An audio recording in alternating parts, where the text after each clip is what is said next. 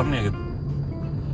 Halo Selamat pagi, ketemu lagi di celotehan gue podcast Dengan gue, Adri.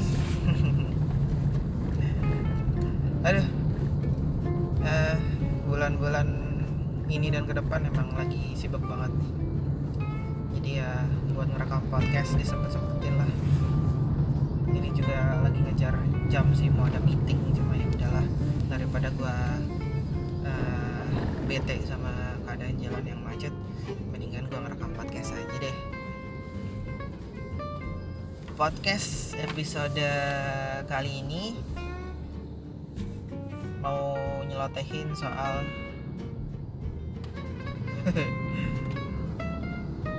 will feel lah pemilu oke.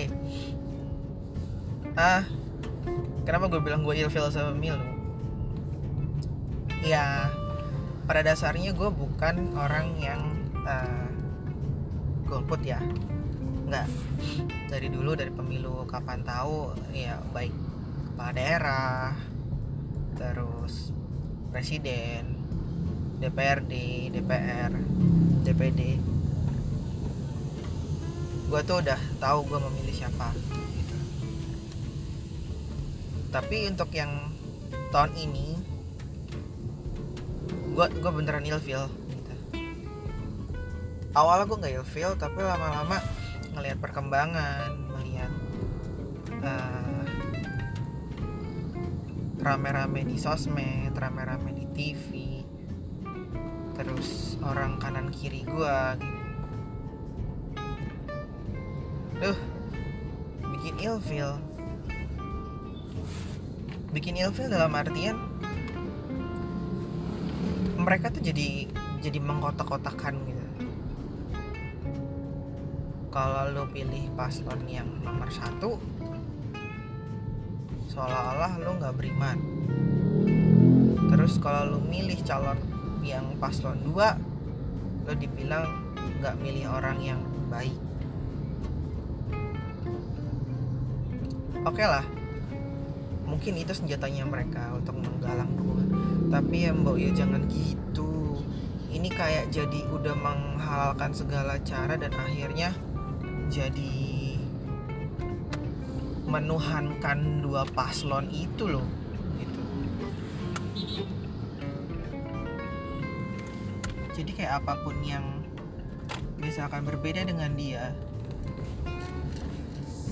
dengan pilihan salah satu orang lalu bakal dicecer habis-habisan ataupun misalkan lo dalam kondisi yang memang belum ta belum tahu memilih yang mana terus tiba-tiba ketemu uh, pendukung salah satu paslon lo udah dijudge ini itu ini itu gitu. Dan term of cebong kampret ini yang juga bikin ilfeel juga. Oke lah dulu nggak semasif sekarang tapi makin lama makin makin gak enak men. Gila. Orang tuh bener-bener kayak yang dari paslon satu pendukungnya juga kayak akhirnya uh, apa ya bukan jadi kayak perang gagasan bukan kayak perang ide bukan kayak perang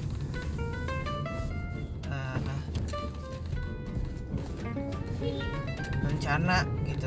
Dan di paslon 2 juga seperti itu nggak ada perang-perang kayak begitu. Yang ada kadang suka lebih ke sisi sensitifnya apa sensitif lagi. Sisi iya sisi sensitifnya kayak uh, keturunan ini agama apa segala macam di di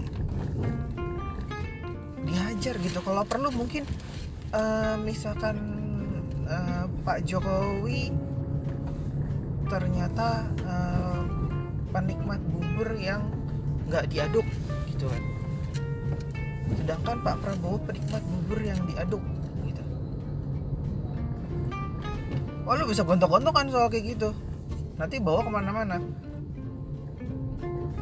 Kan sapi. Tapi untungnya sih uh, maksudnya di dalam keluarga gue sendiri sih nggak ada yang begitu ya. Maksudnya nggak ada yang sampai sebegitunya untuk dukungan ini. Dukungan ini tuh nggak ada yang sebegitunya. Sampai istilahnya berantem antara keluarga satu dengan keluarga yang lain gara-gara begini enggak tapi gue dapat cerita aja ada teman saudara teman saudara atau yang lain-lain tuh ada yang sampai begitu. Ya kayak dulu di pilgubnya DKI lah ya, mungkin eksesnya dari situ kali. Cuma jadinya jadi jadi feel gitu. Kayak apa-apa disangkut pautin. Ke sini ke situ. Dihubung-hubungin sama pilpres. Terus di sosmed tuh seliweran yang ya males lah ngeliat sosmed jadinya gitu loh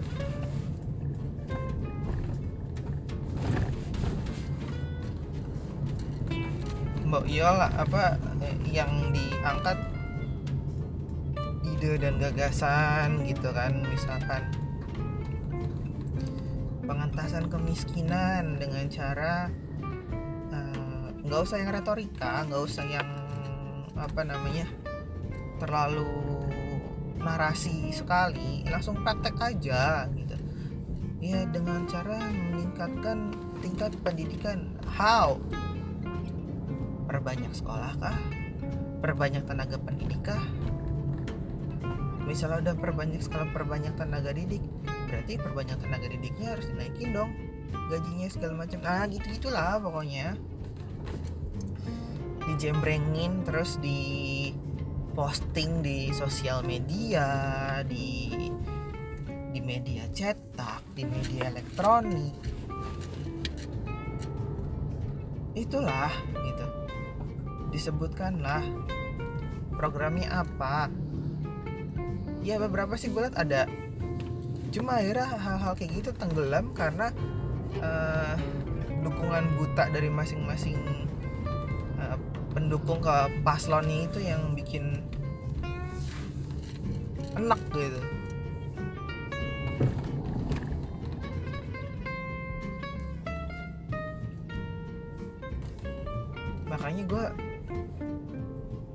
berharap udahlah cepet-cepet pemilu deh gitu. Cepet-cepet pemilu selesai ketahuan pemenangnya udah udah deh. Udah nggak usah bawa eksesnya ke mana-mana lagi deh. Nggak usah bawa eksesnya lima tahun ke depan atau 10 tahun ke depan. Kita jadi terkotak-kotak gitu. Antara ras cebong dan ras kampret. Jangan deh. Bener-bener apa ya? Bener-bener mecah kayak gitu udahlah. Ya itulah yang mau gue celotehin di podcast kali ini. Hmm, gue harap sebelum pemilu dan setelah pemilu nanti uh, keadaan bisa kondusif ya bisa nyaman. Apalagi setelah pemilu gue berharap keadaan damai tentram siapa pun nanti yang menang. Karena mungkin ya itu sudah rencana yang di atas Tuhan. Gak usah digontok-gontokan.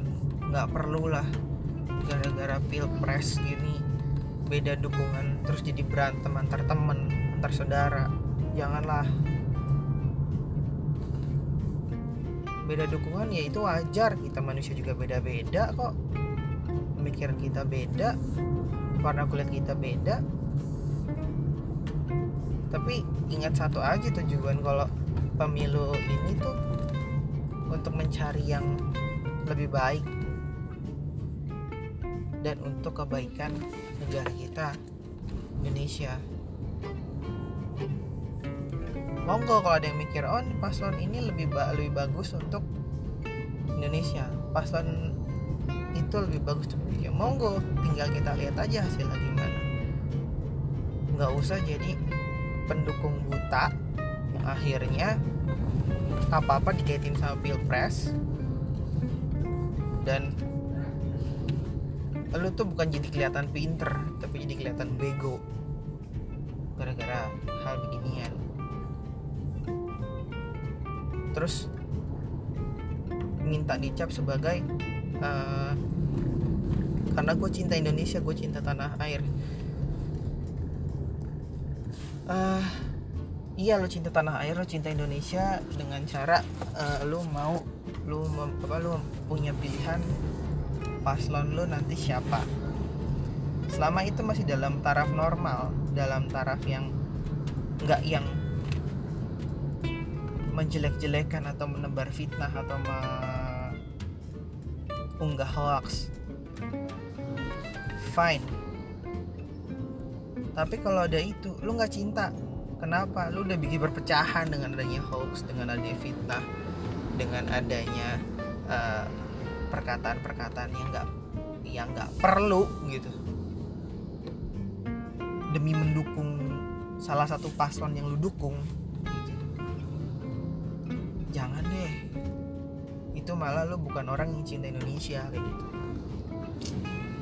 Ya segitu yang bisa gue omongin di celotehan gue kali ini. Uh, selamat mendengarkan. Please share. Dan bisa didengar di Spotify di Anchor di Apple Podcast.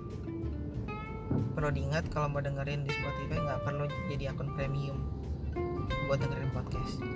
Akun biasa pun juga bisa kok. Oke? Okay? Adri cabut. Thank you